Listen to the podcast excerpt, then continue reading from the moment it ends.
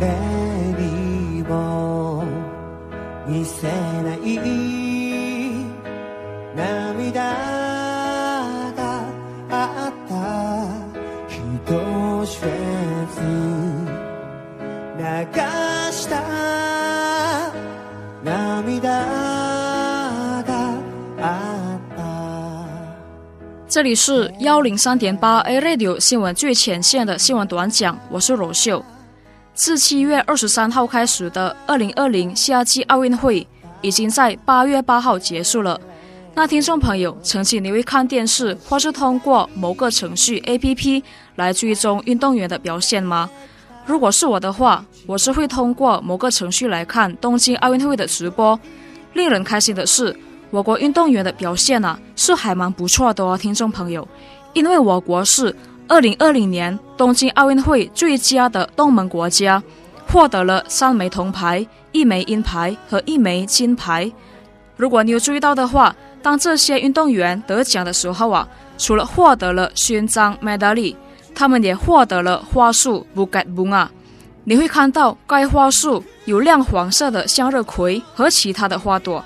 东京奥运会颁奖花束的主要花材包括了产自日本福岛县的洋桔梗花 bunga istoma 和产自宫城县的向日葵 bunga matahari。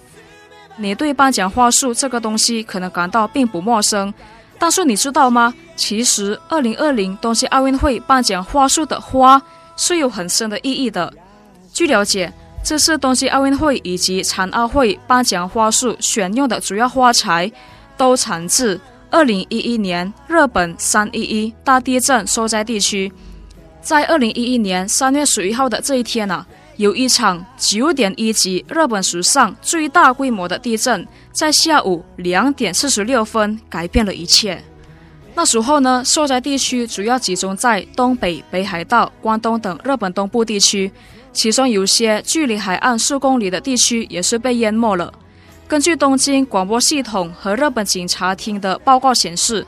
日本三一一大地震导致死亡人数为一万五千两百六十九人。受伤的人有五千三百六十三人，而死中的人数为八千五百二十六人。然后溺死是在这场地震中罹难者的主要死因，大部分死者都是被地震引发的巨大海啸卷入水中溺毙的，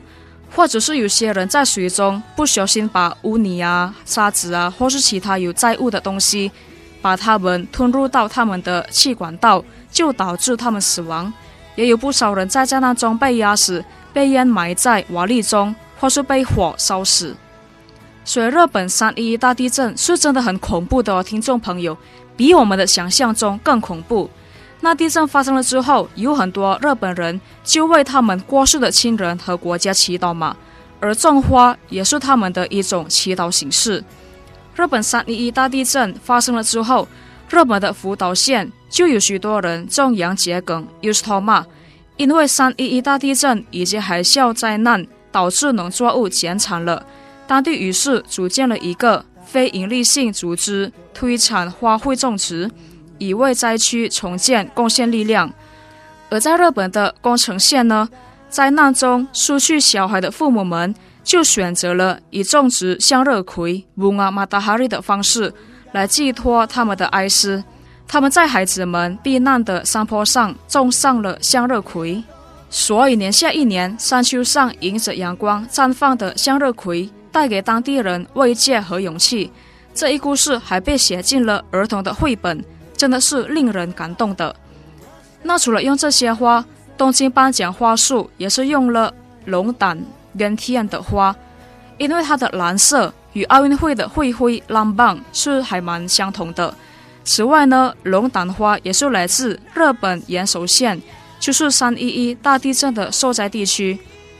所以，东京二零二零奥组委就希望能够在奥运会以及残奥会这个世界上最盛大的体育盛会上，向全世界展示这些三一一灾难地区的魅力。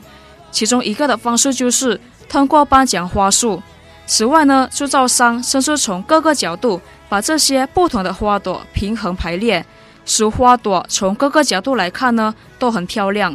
那你现在已经知道了吗？二零二零东京奥运会颁奖花束的这些花，不是偶然被选择的哦。这些花代表着日本人对日本的祈祷。